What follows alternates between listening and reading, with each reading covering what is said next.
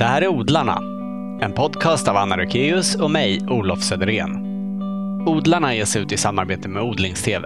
Och innan vi börjar vill vi tacka vår sponsor Nelson Garden för att de möjliggör den här podden. I det här tolfte avsnittet träffar vi trädgårdsmästaren och kulturmiljöspecialisten Andreas Strömqvist. Han skriver en hel del för olika trädgårdstidningar. Bland annat har han i många år gjort bilagan Handboken i tidningen Allt om trädgård. Och så har han skrivit en bok också som heter Odlarens handbok. Här är intervjun med Andreas som vi spelade in på hans kontor i Värtahamnen i Stockholm den 16 november. Varsågoda!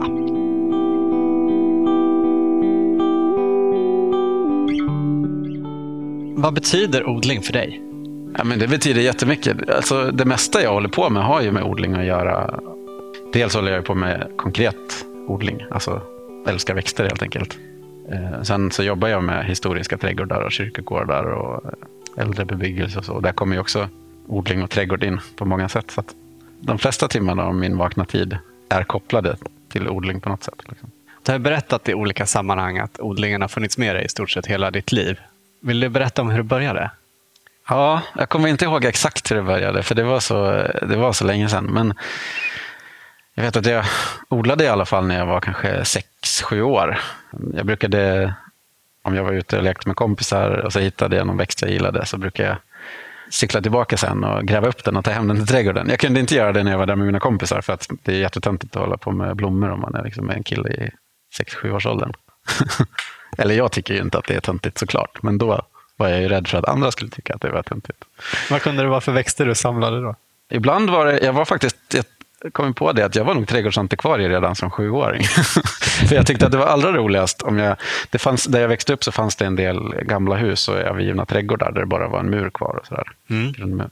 och Då kunde jag ibland hitta någon växt, en trädgårdsväxt som stod kvar där. Och Det tyckte jag var allra roligast, att kunna liksom hitta lite så Indiana Jones-känsla. Liksom, att komma till den ja, Det var mer det än att samla vilda växter? Liksom. Ja, det var både och. Sen kunde jag hitta någon vild växt jag gillade också. Men, eh, ja, men det häftigaste tyckte jag var då om jag hittade någon sån här kvarstående, som man säger, reliktväxt. Jag pratade ju inte om reliktväxter som sjuåring, kan man så.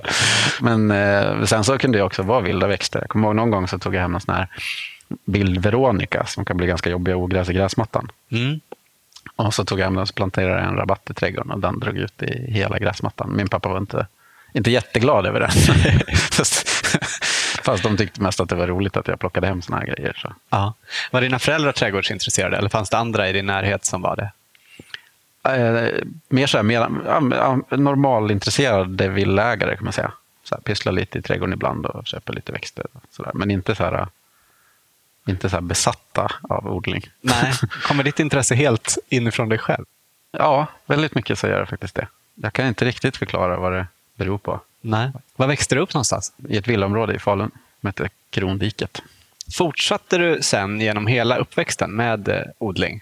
Jag höll på kanske tills jag var 12-13. Sen så tog det av lite det var, det var liksom inte att jag försökte gömma eller något, utan det var bara, jag bara trött, alltså jag tröttnade ett tag. Det kom andra saker. Jag, jag men, det blev mer så musik och film och såna här normala tonårsintressen, om man säger så. Som ja. göra sånt. Sen så bara kom det tillbaka med besked när jag var kanske 16, 17 ja. sådär. Så Gymnasiet någon gång? Ja, så några års uppehåll där. Eh, då brukade jag vara på konfirmationsläger på ett ställe, Sundbornsgården heter det. Okay. Jättefin gammal mm. prästgård vid Sundborn. Mm. Eh, där hade de mycket fina gamla pelargoner som de hade fått från, från äldre gårdar i området. Och så. så där smög jag in, plockade jag sticklingar när ingen såg och så packade, gömde i min packning och tog hem sen. Ja. Så då började det nog igen. Och sen utbildade du till trädgårdsmästare? Ja, precis. Var det direkt efter gymnasiet? Ja, nästan. Jag gick humanistisk på gymnasiet. Läste mm. språk och historia och så. Och sen så praktiserade jag ett halvår på en ekologisk eh, handelsträdgård i Vassbo. Ah, var ligger Vassbo någonstans? Det ligger en mil från Falun, mellan Falun och Borlänge. Det är en gammal bergsmansgård som är kopplad till gruvan i Falu gruva okay. från början. Det var jättebra, jag lärde mig jättemycket där. För mm. de, där odlade vi allt själva. Liksom. De här traditionella grönsakerna, liksom tomat och gurka och så i växthusen. Och sen fanns det frilansodling med kål och rotfrukter och sådana grejer. Och snittblommor. Sen hade vi egen krukväxtförökning och förökade jättemycket perenner själva från frö och sådär. Så det var väldigt lärorikt att jobba där. Och efter det så eh, gick jag en ettårig trädgårdsutbildning på Naturbruksgymnasiet i Rättvik. Och sen blev det ett, en sommar på Bergianska i Stockholm efter det. Av någon anledning så förknippar jag det med Rosendal också.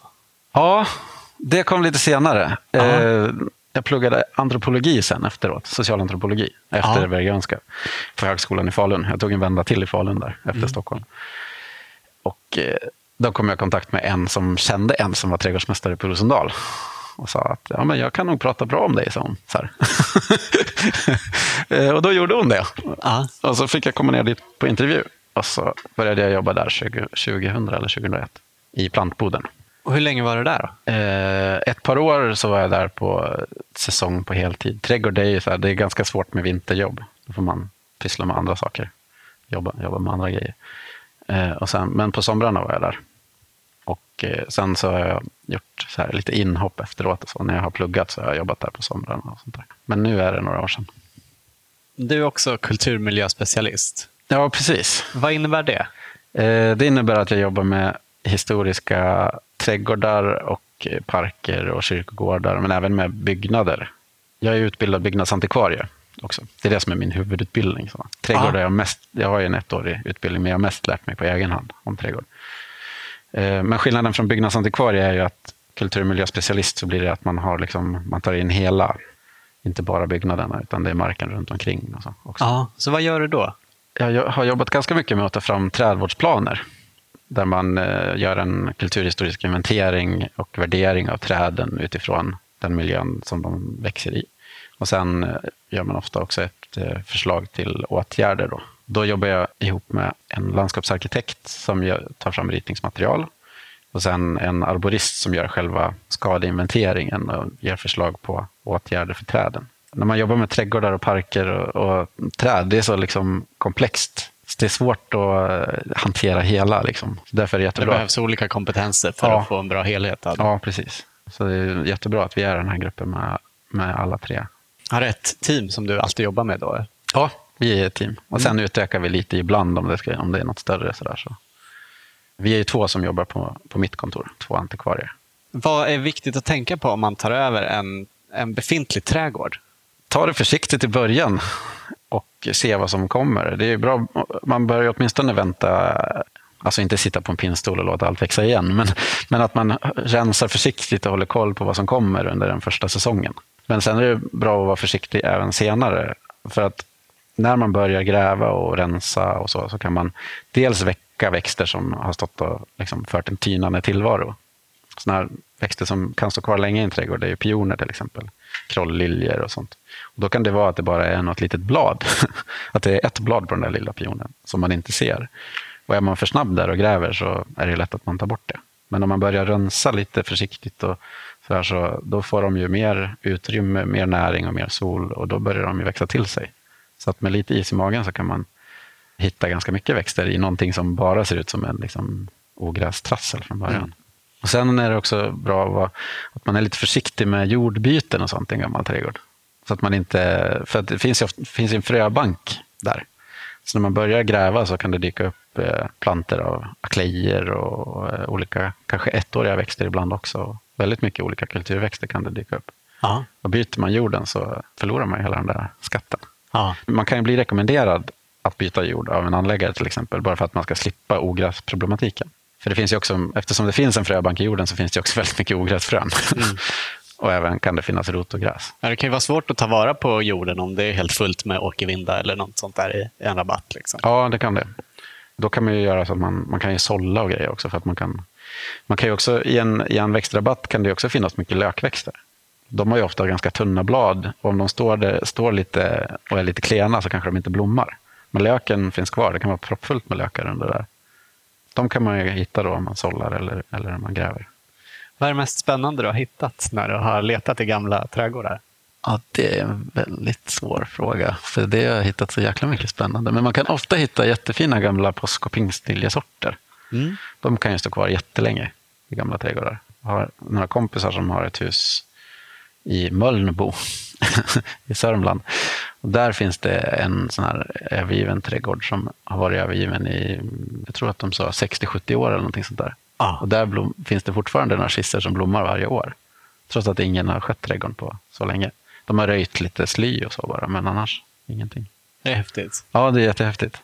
För några veckor sedan var jag ute i skogen och plockade svamp. Mm. Och så bara helt plötsligt så, slum, eh, så bara såg jag en sån här stenmur där i skogen. Och sen en grundmur efter ett hus. Och så, då växte det ett ganska stort område med ålandsrot där. Som är en ganska gammal medicinalväxt och prydnadsväxt i trädgårdar. Så nu finns det ålandsrot hemma i trädgården från den där lilla igenväxta trädgården. Mm. Mycket skog i Sverige är ju liksom odlad skog. Ju. Ja, Och det är ofta att man har planterat igen eh, gamla ängsmarker och betesmarker och odlingsmarker. Och så så man, när man går runt i sådana här skogar kan man hitta torpruiner. Och, och där kan det stå kvar gamla fruktträd ganska länge och även andra växter. Eh, så kan man gå in på lantmäteriet.se och gå in på historiska kartor. Det brukar jag göra- när jag har snubblat över någon sån här ruin i skogen. För då finns det, ja, det finns kartor från 1600-talet och framåt. Men det är ofta ganska tunt med äldre kartmaterial. Men eh, det finns ju såna här eh, nationalekonomiska kartan, tror jag den heter, som är från, oftast från 40-50-talet. Där. där kan man fortfarande se ganska mycket av landskapet innan det planterades igen så mycket. Så där kan man hitta de här gamla torpen. Då kan man se att ja, men titta, där är det där som jag snubblar över i skogen idag. ja. Det är jättekul. Vad tycker du man ska göra om man hittar ett sånt där gammalt ställe och tror att det kanske finns intressanta växter där? Jag brukar göra så att jag brukar inte ta hela, för jag tycker att det är synd att ta hela. De kommer inte bli kvar jättelänge där eftersom det är så skuggigt och mörkt. Men det kan ju hända att det är någon mer som kommer dit och hittar och vill ha, ta reda på den växten. Och så. Men när man får hitta gamla växter så tycker jag alltid att man ska försöka ta en liten bit.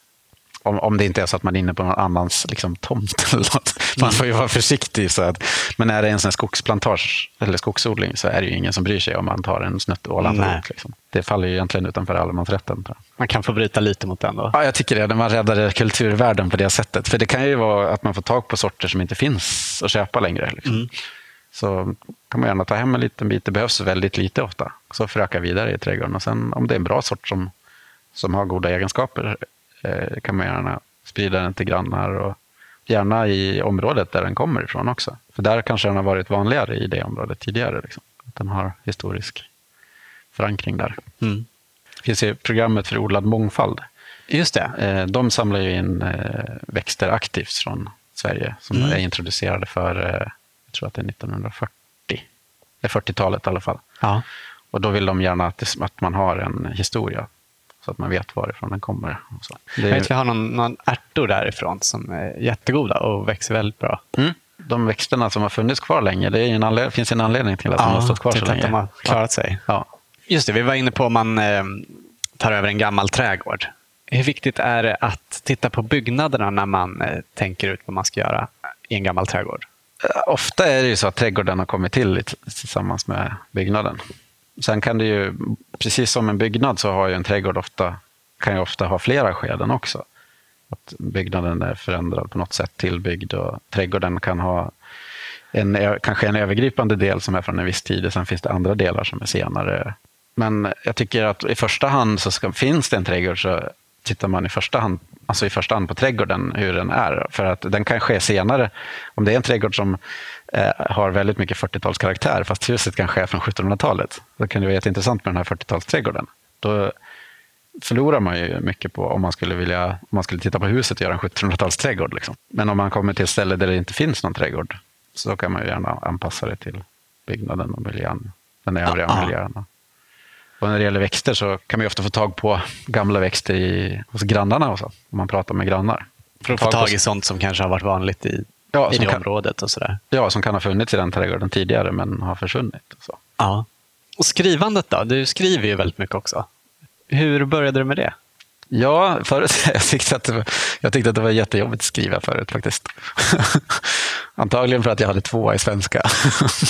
Ah, det så kände dig stämplad av det. tvåa i svenska och tvåa i historia och nu jobbar jag som skribent och kulturmiljöspecialist. Så kan det gå. Ja. Kan vara bra om man... Har du pratat om dina gamla lärare? Nej, jag har faktiskt inte det. Eh, Men eh, ibland så blir jag så här, skulle jag vara lite så sugen på att åka ut på skolor och bara... Så, bara för att ni har dåliga betyg så betyder inte det att ni inte kan. Liksom. Nej. Så. Det finns flera anledningar till att man får dåliga betyg. För mig var det, när jag, jag hade dåliga betyg i stort sett hela skolan, alltså grundskolan. Så gick det, blev det lite, lite bättre på gymnasiet. Och sen när jag började på universitetet så fick jag helt plötsligt full pott på alla tentor. Jag missade inte, jag har liksom magisterexamen, jag har inte missat en tenta. och jag är samma person fortfarande. Ja. Det var inte så att jag har genomgått någon sån här total förändring på den tiden. Nej. Utan jag tror framför allt att det beror på det beror på hur alltså, olika personer lär sig saker på olika sätt. Jag måste vara intresserad för, av, av det jag ska göra för att jag ska lära mig. Och framför allt så måste jag få fråga varför. För jag måste veta hur saker fungerar, annars kan jag inte lära mig. Mina lärare i skolan tyckte nog att jag var rätt, rätt så jobbig tror jag. För jag frågade hela tiden, ja, men varför är det så här då? men skrivandet som egentligen var din fråga, så kom det igång när jag pluggade konstvetenskap på universitetet. Och vi hade en jättebra lärare, Inga-Lena hette hon. Och hon har jobbat som redaktör också. Så hon var väldigt det var flera i klassen som var lite irriterade på att hon la så stort fokus på språket. Men om man ska jobba med konstvetenskap, alltså konsthistoria och arkitekturhistoria, bebyggelsehistoria, så måste man kunna skriva. För det är det man gör hela tiden. Så det var jättebra att hon fokuserade så mycket på språket. Och det var värt, jättevärdefullt för mig. Så det var då jag började komma igång och skriva mer. Liksom. Ja. Sen har jag skrivit, har jag skrivit väldigt mycket facktexter och varit lite rädd för att skriva saker som kanske är lite Alltså som är på ett annat skrivsätt som blir mer, ett mer personligt skrivsätt och inte bara ett liksom, beskrivande. Så. Men det börjar komma igång också. Eh, I sommar har jag skrivit en bok som heter Trädgårdsmästarens anteckningar. Som, Ja. som kommer i mars. Och där har jag skrivit på ett ganska annorlunda sätt mot vad jag har skrivit tidigare. Mer personligt. Vad Så. roligt. Ja, det var jättekul, men det, varit, det var, tog lång tid innan jag verkligen kom igång med skrivandet. Innan jag hittade vilken ton jag ville ha. Och också hittade någon slags självförtroende i, i det här. Att folk tycker faktiskt att det är intressant när, jag, när det inte bara är fakta rakt igenom, utan att, man, att jag väver in mer av mig själv i texten också. Att hitta någon slags säkerhet i det. Ja. Annars har du skrivit den här handboken i Allt om trädgård Mm. och en bok som heter Odlarens handbok. Mm. Där går du igenom väldigt mycket som är bra att kunna. Mm. Hur har du lärt dig allt det här? Jag har... Alltså jag, det, känns att som det finns så odlat- enormt mycket kunskap där. Det är för att jag har odlat så jäkla länge. Eh, och sen, sen är jag ju en bok, bokmissbrukare nästan. Eller, Men boknörd. jag, lä, alltså jag läser jättemycket, väldigt lite skönlitteratur läser jag. Mm. Jag har lite för dåligt tålamod med att läsa skönlitteratur. Så läser jag ganska långsamt. Men jag läser väldigt mycket facklitteratur. Så jag har läst mycket böcker om trädgård och odling och sen provat utifrån det. Liksom. Ja. Så att jag har hittat nya sätt som jag inte har gjort på förut och så har jag provat de sätten och sett om det har funkat. Ja. Har du några favoritböcker som du skulle vilja rekommendera? Men Lena Israelssons handbok för köksträdgården, fast den behöver man ju knappt säga för den känns som att nästan varenda svensk har den. Eller i alla fall alla som odlar har den. Ja, det är bra. Sen gillar jag Monty Don som Mm. eh, programledare på BBC på Just det. Gardeners World. Han skriver ganska mycket. Han skriver väldigt, jag gillar hans trädgårdsböcker för att det är mycket fakta i dem, fast på ett personligt sätt. Liksom. Jag har hört dig säga i något sammanhang att gröna fingrar inte är något som man föds med, utan att alla kan lära sig. Ja, absolut. Är det så? Ja, det handlar om intresse helt och hållet. Men vissa är ju väldigt sugna på att odla, men det blir liksom ingenting. Men då handlar det ju om kunskap. Det är ju just det där att det finns inga gröna fingrar, men däremot finns det personer som, är liksom, som tycker väldigt mycket om att odla och då lär man sig ju hur man ska göra. Mm. Ibland så kan jag känna, nu är det ju jättepopulärt att odla och det finns någon, på något sätt någon bild av att det är så enkelt att odla. Det är faktiskt inte så jäkla enkelt att odla. Det är enkelt om man vet hur man gör. Men det är liksom, odla är precis som att laga mat. Om man skulle gå, aldrig hade lagat mat och så gick man till mataffären och köpte en massa goda ingredienser och så hällde man det i kastrullen på spisen och kokade. Så skulle det ju inte bli gott. Nej. Det är precis samma sak med, med odling också. Man köper en massa fröer av goda grönsaker och fina blommor och så häller man det i en låda med jord. Så blir ju inte det bra. Jag tycker alla som börjar odla borde ja, att man sätter sig med en riktigt bra trädgårdsbok. Liksom. Och så läser man den och sitter med, med post-it-lappar och penna, penna och antecknar och funderar. Hur så här, ja, det här kanske passar mig, det här ska jag prova. Och, ja, men, Skaffa sig grundkunskap. Ja, ordentlig research. Liksom. Ja. Det, det behöver man för, för odling. Research och sunt förnuft också. För odling handlar ju om naturen. Och vi kommer ju från naturen. Så vi har ju ändå en viss möjlighet att tänka som naturen. Om man säger att vi Börjar man tänka, sätta sig ner och tänka och ifrågasätta hur det fungerar och så, så kommer man ju en bit på den vägen också. Mm. Men en viss grundkunskap är jättebra. Sen får man ju oftast väldigt gröna fingrar om man odlar mycket tomater. Om man håller på och tjuvar så blir man grön om fingrarna hela sommaren. Ja. Men jag tror inte att det påverkar hur det går med odlingen. Nej. Vill du berätta mer om den nya boken? Ja, Trädgårdsmästarens anteckningar heter den. Mm. Eh, och den är mer personlig än något annat än jag har skrivit, samtidigt som den inte handlar om mig egentligen. Hur då? Eh, det, tanken med den är att den som läser den ska känna att man har hittat en, ungefär som att man har hittat en gammal anteckningsbok i ett övergivet trädgårdsmästeri.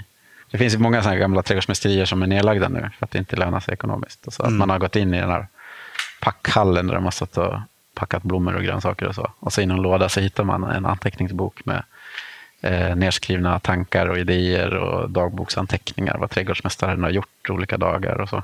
Ja. Eh, istoppade fröpåsar och vykort och sådana grejer. Tanken. Vad roligt. Blir det mycket gamla knep sådär? Ja, jag har försökt, försökt få in så mycket som möjligt av gamla, gamla knep som är liksom användbara fortfarande.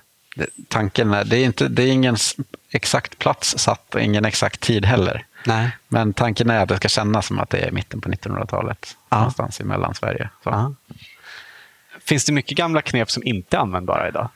Ja, särskilt om man går tillbaka ett par, ett par 300 år i tiden så finns det väldigt mycket knep som är ganska underliga. Det finns till exempel drottning Kristinas trädgårdsmästare André Molé som skrev Sveriges första trädgårdsbok, Lustgård. Eh, han skriver bland annat att hur man gör, ett bra, jord- hur man gör en jordanalys. Mm. Man tar jord från platsen där man ska odla, så rör man ut den i vatten och så smakar man på lösningen. Och om det smakar gott så kommer skörden att bli god. Smakar det illa så kommer det bli äckliga grönsaker. Hur ofta smakar det gott om jordvatten? Nej, jag med vet inte riktigt. Jag vet inte. Så det är kanske inte ett jättebra tips. Sen finns det en del skrock i gamla trädgårdsböcker också. Till exempel att man ska inte plantera lövkojor när det blåser nordanvind. Mm.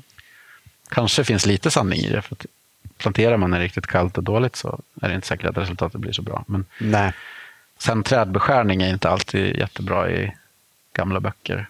Man hade en ganska fin idé om trädvård för men den är kanske inte så, funkar, funkar kanske inte så bra. För att man såg på träd ungefär som man såg på människor. Så att man pratade om att de kunde få kallbrand och sådana, Ah, ja, sådana mänskliga sjukdomar. Ja, precis. Och om de fick någon, hade någon skada, så, om de till exempel hade fått sådana här kräftangrepp, så sk- skär, skar man bort det skadade och sen gjorde man omslag. Som ett litet bandage. Ja, precis. Så det är väldigt fint, men Ja. kanske inte jättefunktionellt.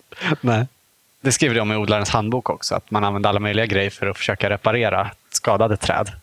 Ja, det är mer en sån här eh, 1900-talsgrej, att man, man fyllde eh, håligheter med betong och satte över plåtar för att det inte skulle rinna in vatten. Och sådär. Ja. Men eh, nu för tiden tänker man mer att träden löser det mesta själva. Liksom. Att man, Mm. man gör beskärning på, på rätt tidpunkter på året och så, men sen får trädet sköta läkning och så själv. ja. Du skriver mycket och jobbar med de här gamla kulturmiljöerna. Men jobbar du någonting praktiskt som trädgårdsmästare? Eh, Jag har ju jobbat praktiskt som trädgårdsmästare, men jag slutade med det för att det blev att jag inte tyckte det var så... Då tröttnade jag på att hålla på med det på fritiden. Det blev bara ett jobb. Och jag ville inte att mitt största intresse skulle bli jobb. Nej. Så därför slutade jag med det. För nu när jag, som jag jobbar nu när jag skriver om odling och trädgård, då blir jag bara mer sugen på att hålla på praktiskt hemma. Mm. För det kan ju låta rätt härligt annars att hålla på med sitt intresse hela dagarna. Ja, fast jag håller ju på med mitt intresse hela dagarna, fast på ett annat sätt. Ja. Så att, eh, för mig passar det jättebra. För att jag är intresserad av, jättelänge har jag varit intresserad av trädgård och eh, arkitektur och historia. Och de, eh, så som jag jobbar idag så får jag ju förena alla de tre. Ja. Bra kombination. Mm. Var det det som också gjorde att du utbildade dig till bebyggelseantikvarie? Att du kände att du inte ville hålla på med trädgård bara? Ja, det var dels att jag ville ha det, så, det praktiska för mig själv. Ja.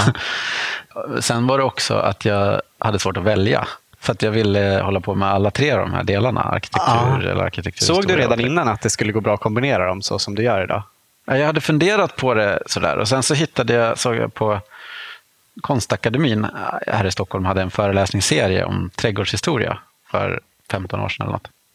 Och strax efter det så började de med en kurs i trädgårdshistoria på Stockholms universitet. Och då tänkte jag, ja men kolla, det här är ju precis rätt. så började jag läsa den kursen och sen fortsatte jag med konstvetenskap, arkitektur, historia och trädgård där. Så nu behöver jag inte välja. Det är bra. Mm. Nu har du återvänt till Falutrakten. Japp. Hur kom det sig? Det är, det är något speciellt med den där alltså, trakten där som jag tycker väldigt mycket om. Dels eftersom jag är så intresserad av historia och Falun är världsarv på grund av gruvan, koppargruvan. Mm. Och man skulle kunna nästan säga att Falun är en ganska konceptuell stad. Man säger så här, att liksom gruvan och gruvverksamheten genomsyrar hela, hela stan och hela mm. området runt omkring. Mm. Bara man ska gräva för någon vattenledning eller vad som helst eh, och de kommer ner mer än 30 centimeter under marken så hittar de det är slagg och det luktar precis som nere i gruvan. Liksom. Det är liksom historia överallt. Och så är det också i, i landskapet runt omkring. Liksom. Om man går runt i byn där som vi bor i nu, som heter Kniva.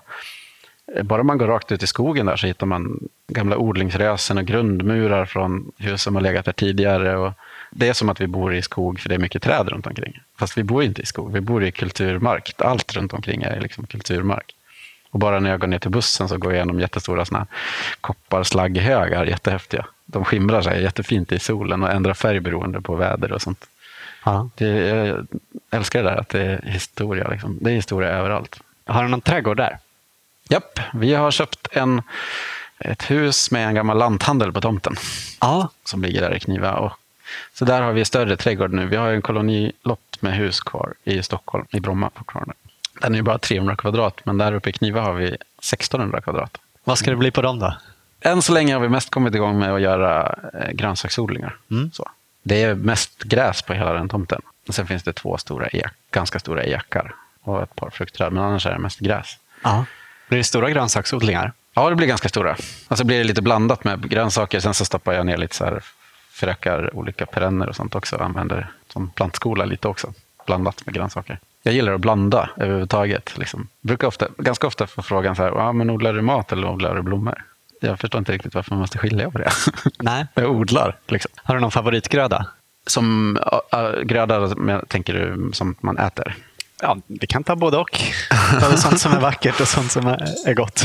Det ändras ju jättemycket. Just nu är jag inne på sån här andivsallad och cikoriasallad och här. Alltså jag, tycker, ja. jag tycker det är väldigt gott med såna här ganska starka Det är ganska bäst. Ja, lite bittra starka salladssorter. Ja. Har du någon favoritsort? Nu har jag odlat, i sommar odlat Rosso di Treviso. Ja. Den är god. Mm. Vad gör du med den då? Jag har dels eh, gjort så att jag har skördat, de knyter sig och bildar liksom ett huvud. Så här, eller, ja. Och då har jag skördat nu på hösten när de har bildat den här och bladat av och ätit upp det som är inuti. Sen så tänkte jag att jag ska prova att driva också i jordkällare. För vi har Under jordkällare nu. Ja, kröka upp dem i sand eller sandblandad jord och sen driva dem i jordkällaren. Det har jag aldrig provat. Jag provade förra året med en, en divrot som jag hade mm. grävt upp, men jag tror den, eh, den torkade innan jag hann driva den. Ja, okej. Okay. Ja. Mm. Och dog. Mm. men annars, annars verkar det inte så svårt, liksom. om man har en bra plats att göra det, tror jag. Ja, det är väl det som är det knepiga kanske. Frågan är om det, bara, om det är lite för kallt i jordkällaren. Jag tror att det måste ha en lite varmare plats. Att ska... den inte kommer igång riktigt där? Nej, precis. Jag ska testa med ett par olika. Ja. Hur äter du den? Då? Tillagar du den eller äter du den färsk jag som gjort den. Jag har testat, men jag tycker faktiskt att den är godast som färsk. Mm. Jag gillar den där krispiga konsistensen och den goda smaken. Ja.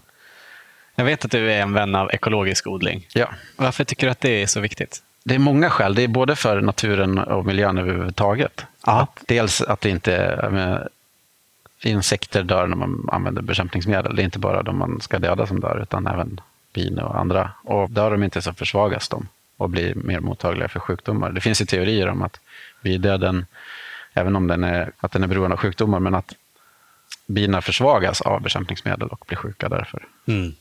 Sen så eh, jordarna blir sämre också. I Sverige har vi så pass bra jordar så att för oss är det inte som katastrof, men det finns ju flera andra delar av världen, i afrikanska områden till exempel, som, som man liksom förstör jordarna genom att inte tillföra tillräckligt med biologiskt material. Och det kan ge bra skörd på kort sikt med att använda handelsgödsel, och så, men på lång sikt så utarmar man ju jorden. Mm. Ser du några problem med att odla ekologiskt? Alltså det finns ju de som säger det här att vi kommer inte kunna försörja jordens växande befolkning med att odla ekologiskt. Men ska man tänka mer långsiktigt också så utarmar man jordarna så att det blir mindre och mindre jordar. Nej, då, då kan vi verkligen inte försörja alla. Nej, och sen finns det ju också strukturproblem i det där. Vi har jättebra odlingsjordar i, i Sverige som är mycket, mycket bättre än, än många som finns i Amazonas ja. och många andra ställen. Men de planterar vi in med tall och gran. Bara för att det inte riktigt lönar sig att odla mat i Sverige. Liksom. Ja. Och då sliter folk i andra delar av världen med sina skräpjordar. Och det här att det inte skulle vara bra att odla ekologiskt i Sverige funkar ju inte då. Om det är så att man får ut för lite per yta, eftersom vi har så mycket yta som vi skulle kunna odla på. Det är väl konstigt att det är mer lönsamt att odla gran än mat. Det är jättekonstigt.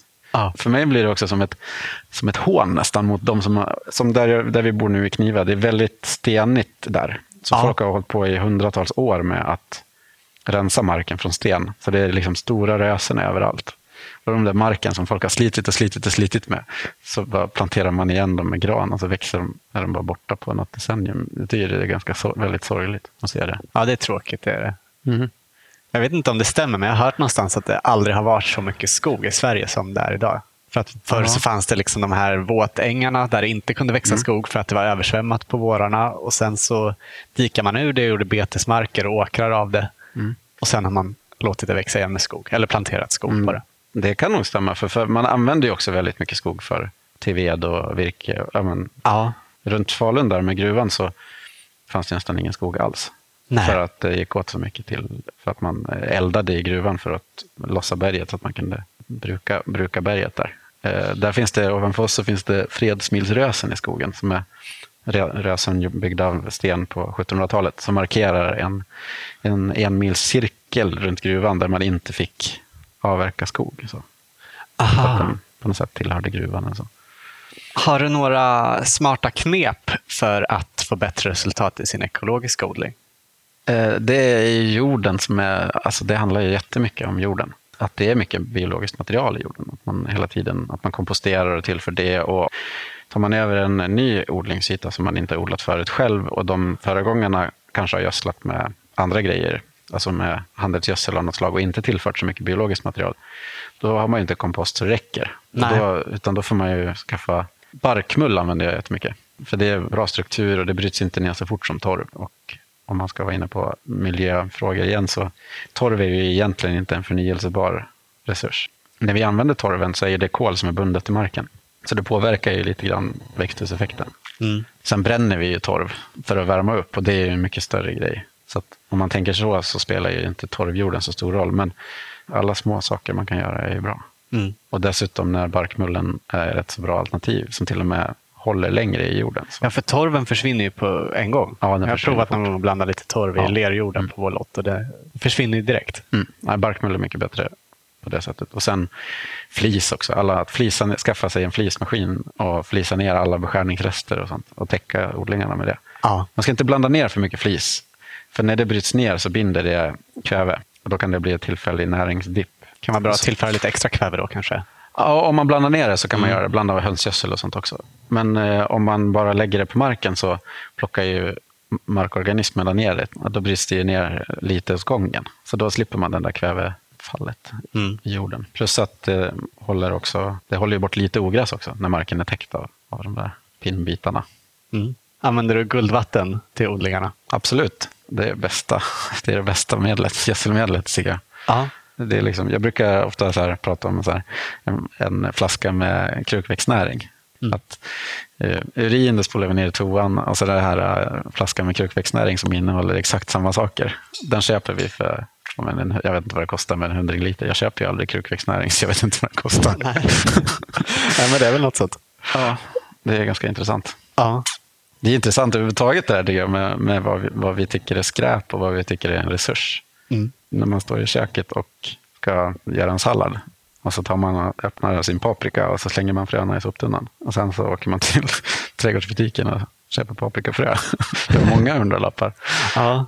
Nu finns det ett problem där att grönsaker ofta kan vara såna så kallade F1-hybrider som inte blir fröäkta. Mm. Så att det är liksom, det kan, man kan inte bara plocka frön rakt av. Men det är ändå ganska, ganska intressant hur vi ser på hur samma sak kan vara en resurs vid ett tillfälle och skräp vid ett annat tillfälle. Ja. Det blir väldigt påtagligt i en trädgård. Vill du förklara det där med F1-hybrider lite kort om det är lyssnare som inte känner till det? Ja, absolut. Det är, när man eh, producerar F1-hybrider så korsar man, det är en typ av inavel, så man korsar två strängar som man säger. där man eh, korsar samma om och om igen så det blir en inavel. Och då blir det ganska försvagade plantor. Mm. Sen korsar man de två med varandra och då blir det en extra stark planta som har väldigt många bra egenskaper. De blir ofta skördeklara exakt samtidigt och eh, det blir ofta väldigt bra kvalitet och gott och så. Sen finns det vissa som säger att det sämre, kan vara sämre näring i dem och sånt. Det vet inte jag om det är på riktigt eller så, men det Nej. finns de som hävdar det. Men eh, nackdelen med dem är ju att man inte kan, alltså tar man frö av dem så blir det oftast en försämrad. Ja. Då blir det som man kallar en F2-hybrid. Och det är att det är andra generationen där.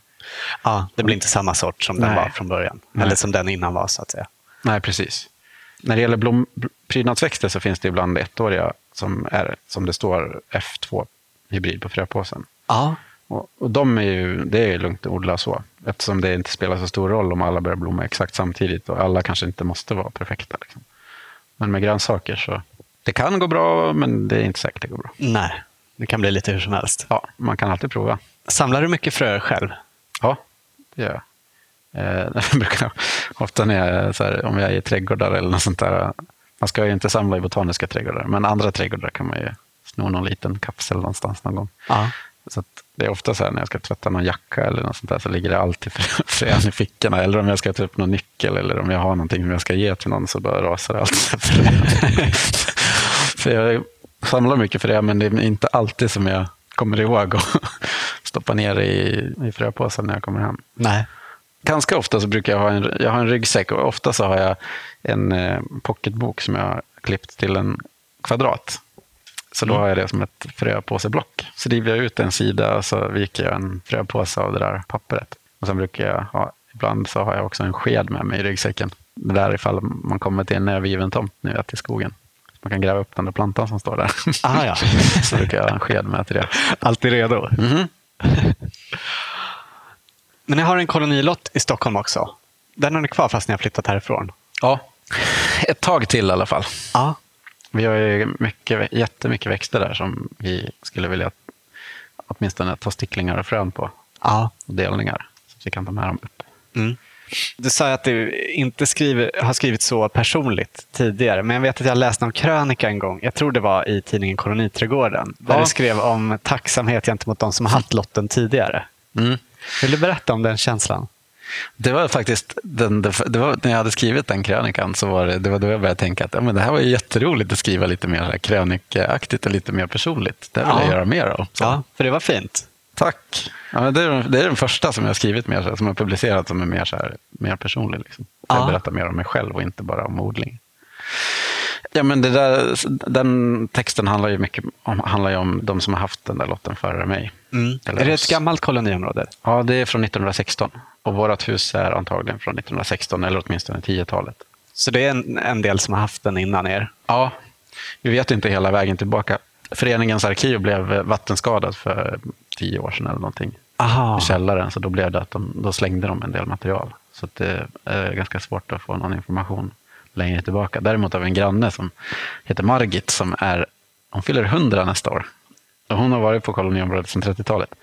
Så henne har jag pratat lite med för att få veta mer om våra föregångare. så. Vad roligt. Ja, men jag tycker att det är viktigt. När man, för mig är det viktigt att, jag behöver inte veta exakt vilka personer det var, men lite så här, vad de har gjort. Och hela tiden så drar jag nytta av det de har gjort tidigare. Det är deras förtjänst att jag kan göra 90 liter äppelmust från ett träd. Det skulle jag inte kunna göra om det inte de hade satt äppelträd där för, ja det trädet kanske är 50 år. Men vi har två träd som antagligen är från när området var nytt också. Och det är tack vare dem. Ja. Det är tack vare dem som jag inte behöver sova ute i regnet, för det är de som har byggt huset. Alla sådana grejer. Det är också att jag gärna vill vårda det också och tänka efter en gång extra innan man tar bort något. Eftersom det kanske är någon efter mig som vill ha det också. Ja, vi, fäll, vi fällde faktiskt ett päronträd där. Hur kom det sig? Efter, ja, vi funderade, det tog tre år för oss att bestämma oss att vi skulle fälla det där päronträdet. Det var flera anledningar. Dels var det angripet av, det, fick, det är inte en jätteallvarlig sjukdom, men det är en sjukdom som man kallas för sten ibland. Det Ja. blir att den blir som små svarta som grus i frukten. Okej, vad beror det på då?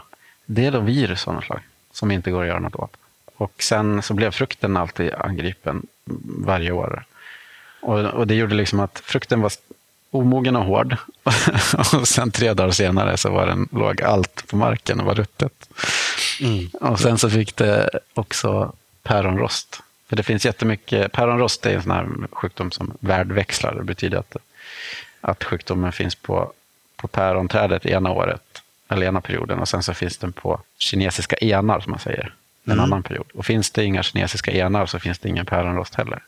Men i det här området så finns det mycket modernistiska trädgårdar från 30, 40, 50-talet. Och då var det ju superpoppis med sådana. Ja. Så det var sjukt hela tiden. Ja. Om det är så så kanske det inte är så stor mening att ha det kvar heller. Nej, och sen så skuggade det också väldigt mycket. Så det var, blev sämre resultat med mycket av de andra odlingarna. Så då åkte det. Men det var jobbigt.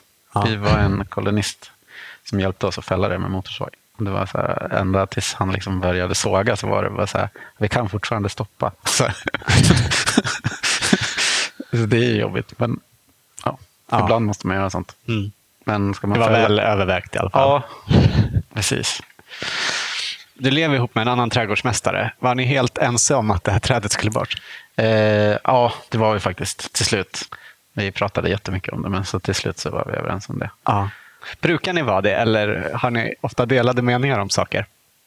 Vi är ganska ofta överens. Sen, ja, sen har vi lite olika förhållningssätt till trädgård. Så vi, det kan ju vara lite att vi, vi har ju olika intressen. Trädgård är ju så stort område, så vi har mm. lite olika intressen. Och då blir det att man kan man får sina delar för, för sig själv, och sen så, eller för sig själv, man hjälps ju åt ändå. Men, mm. Ja, det där med att det tar tid innan, innan man får så stora mängder äpplen till exempel. Det är bra att tänka på om man ska plantera träd själv också. Mm. Att även om man kanske inte bor kvar i 50 år i samma hus så kommer det någon annan efter som förmodligen kommer bli jätteglad för de där äpplena. Ja, precis. Är det något särskilt du tänker att man ska tänka på när man planterar nya träd? Ja, just att träden att de blir, blir gamla och vissa träd blir väldigt stora. Det finns ju väldigt olika storlekar på träd. Ja. Och av hänsyn till de som kommer efter kan jag tänka att man tycker att man kanske ska välja storlek på träd. Det är lätt att tänka så här att sätter jag en ek på den här platsen så kommer den inte bli så stor innan jag har dött eller flyttat. Fast sen så kan man tänka så här, vill man sätta någon annan i den hemska situationen att behöva ta ner en jättefin gammal ek för att den är för stor? eller hur? ja, rätt träd på rätt plats. Ja, precis. Eh, träden blir ju, ofta, blir ju finare också dessutom om man inte behöver hålla på försöka beskär, kontrollera dem genom beskärning. Det är ganska svårt att kontrollera träd genom beskärning också. Mm. Eh, om man har ett stort träd som man beskär hårt så blir det lika stort igen efter bara några få år. Sen finns det ju många olika, av vissa träd så finns det ju många olika namnsorter som har väldigt olika egenskaper. Ja.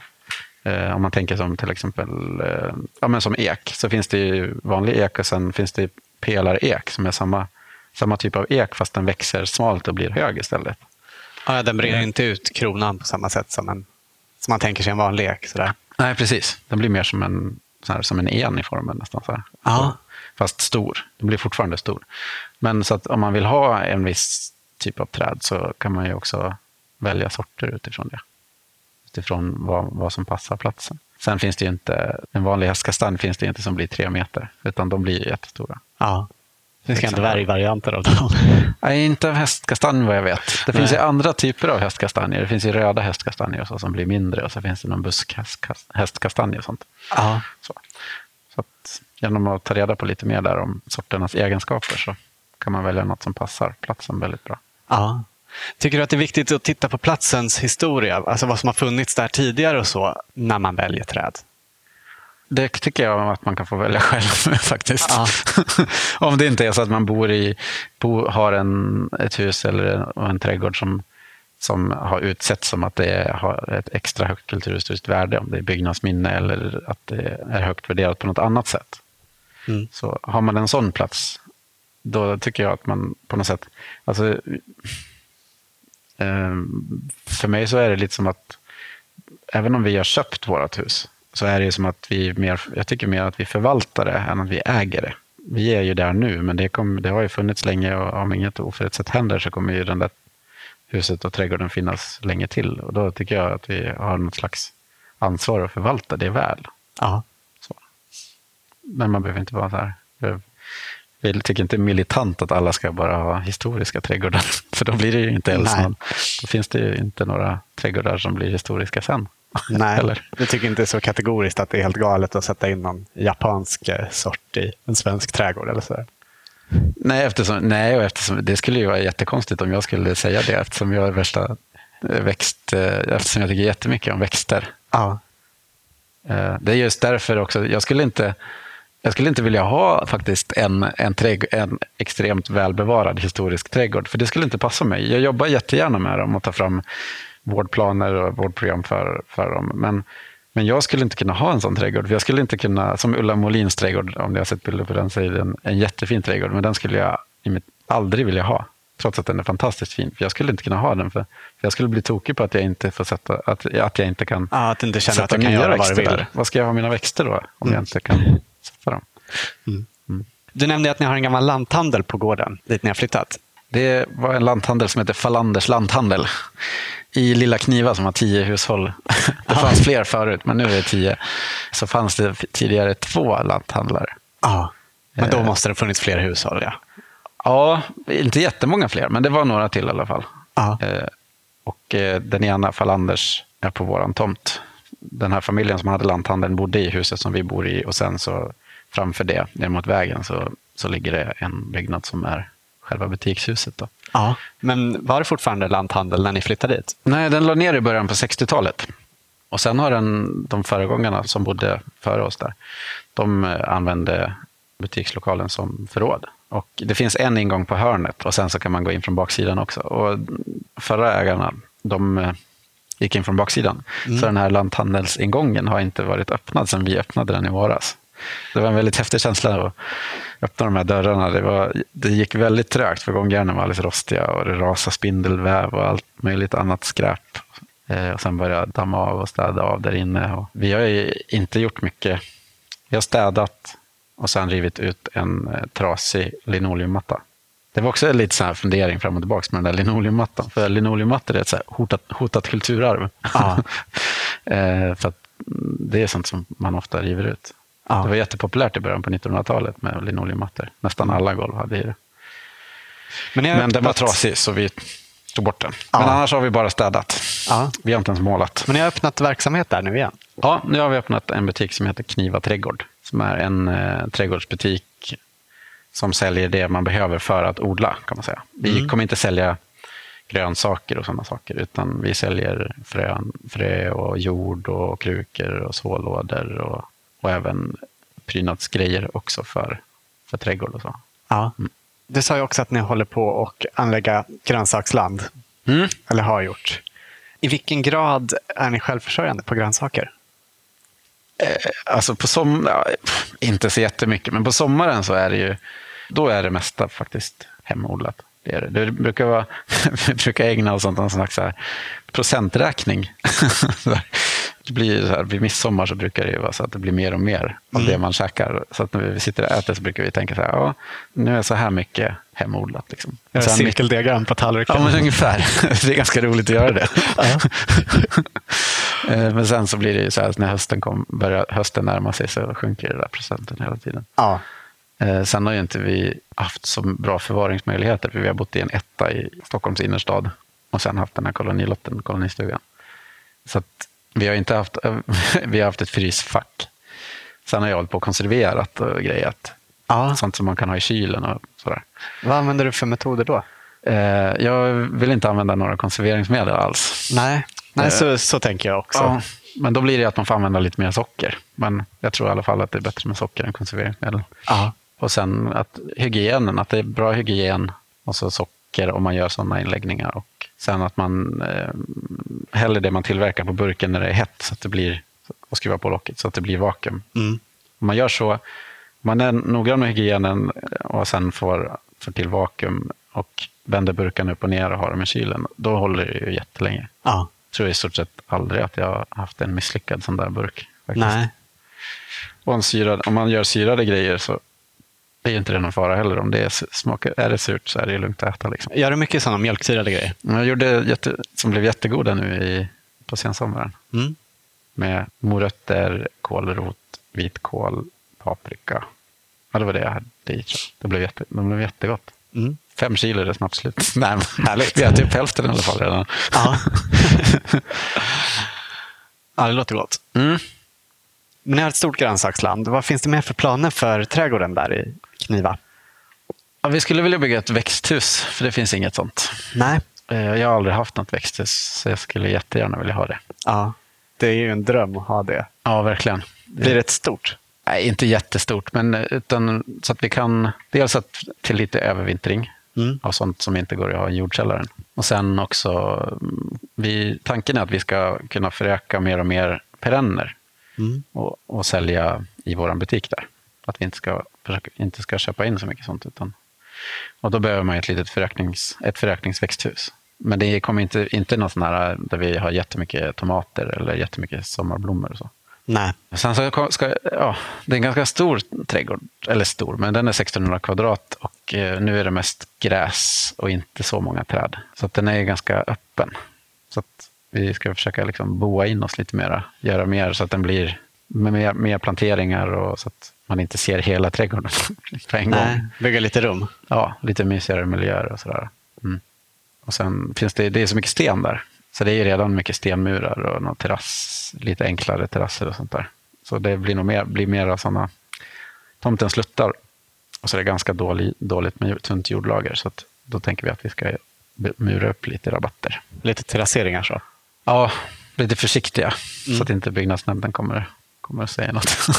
så att vi håller oss under, under reglerna. Man får inte göra hur mycket sånt som helst. Eh, Så sånt blir det. Sen kommer grönsakslandet kommer nog växa ännu mer. Jag är så förvånad över hur bra det har växt den här sommaren. Ja, Eh, Det, är det, ändå- var ju väldigt kallt och regnigt där i början. Ja, det är ju zon, på gränsen mellan zon 4 och 5 där uppe. Och Stockholm är ju två, mellan 2 och 3, någonting sånt där. Ja. Och våran squash vi har haft där uppe i Kniva i sommar, har aldrig haft så fin squash. Alltså sådana plantor, de växte, en sort som vi brukar ha som bara brukar bli som en liten buske, den började liksom ranka iväg. Aha.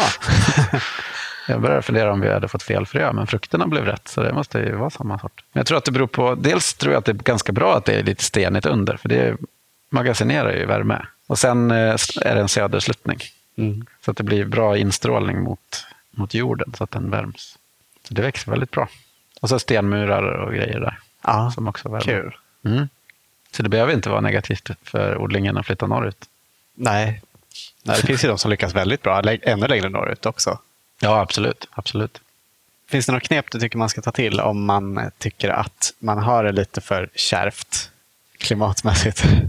Om man, om man odlar eh, ettåriga växter, som många grönsaker är, Mm. så då får man ju ofta bra skördar en bit upp i landet också för att det är väldigt soligt. Det är mycket solljus där uppe på sommaren, så det växer ju ganska snabbt. Och sen kan man ju med stenmurar som magasinerar värme och som också kom, flyttar upp odlingsjorden från marken så att den värms upp snabbare. Sen skyddar ju träd och häckar och sånt där också. Träd skyddar ju den här, hindrar ju lite av utstrålningen.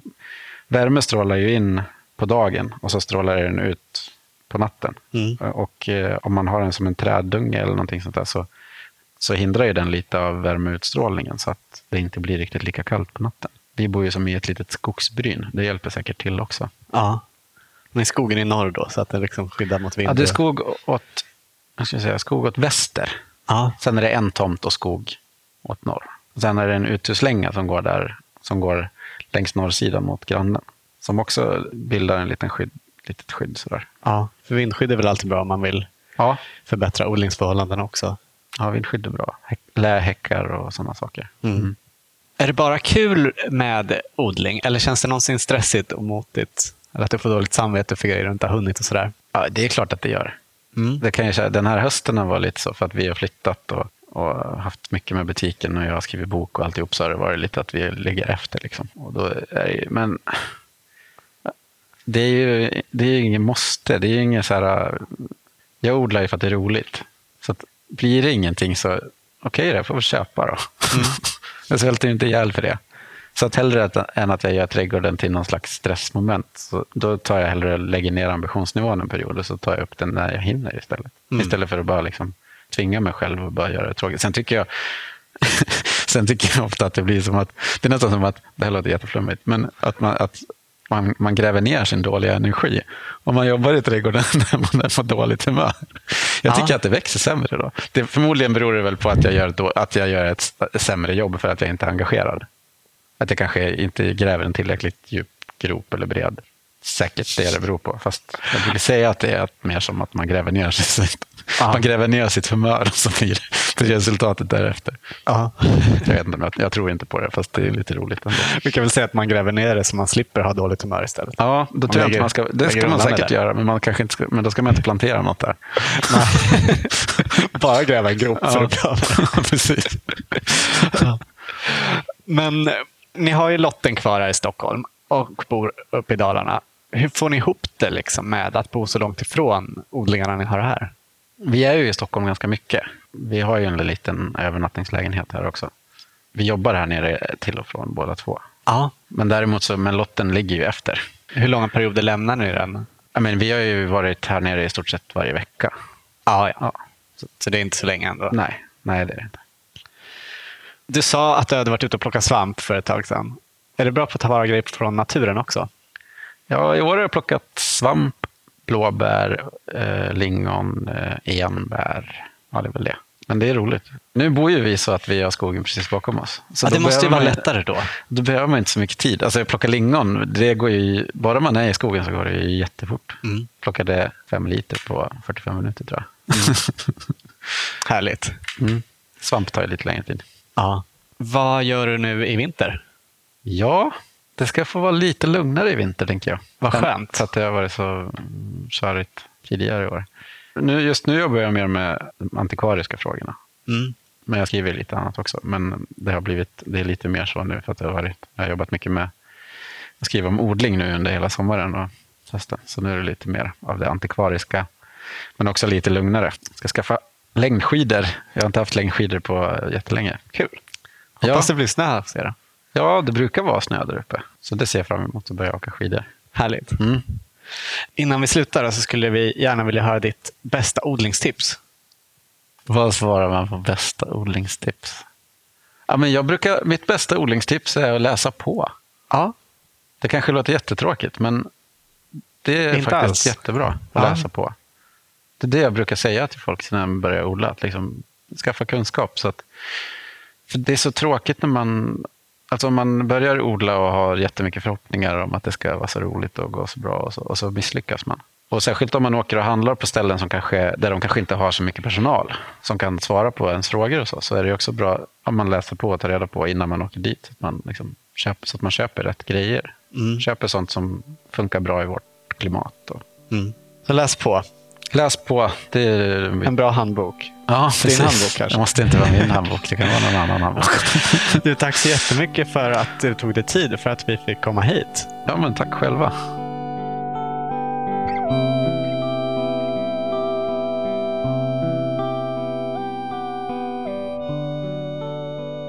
Du har just hört André Strömqvist intervjuas i Odlarna.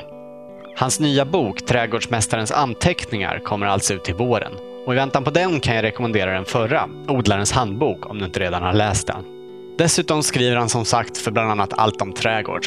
Du kan läsa mer om André och vad han har för sig på hans hemsida och blogg andreasstromqvist.se. Och vill du besöka hans butik så heter den Kniva trädgård och ligger i just Kniva i närheten av Falun. Mer information och öppettider hittar du på knivatradgard.se. Nästa avsnitt av Odlarna kommer den 11 december. Till dess är du välkommen att besöka Odlarna på Facebook.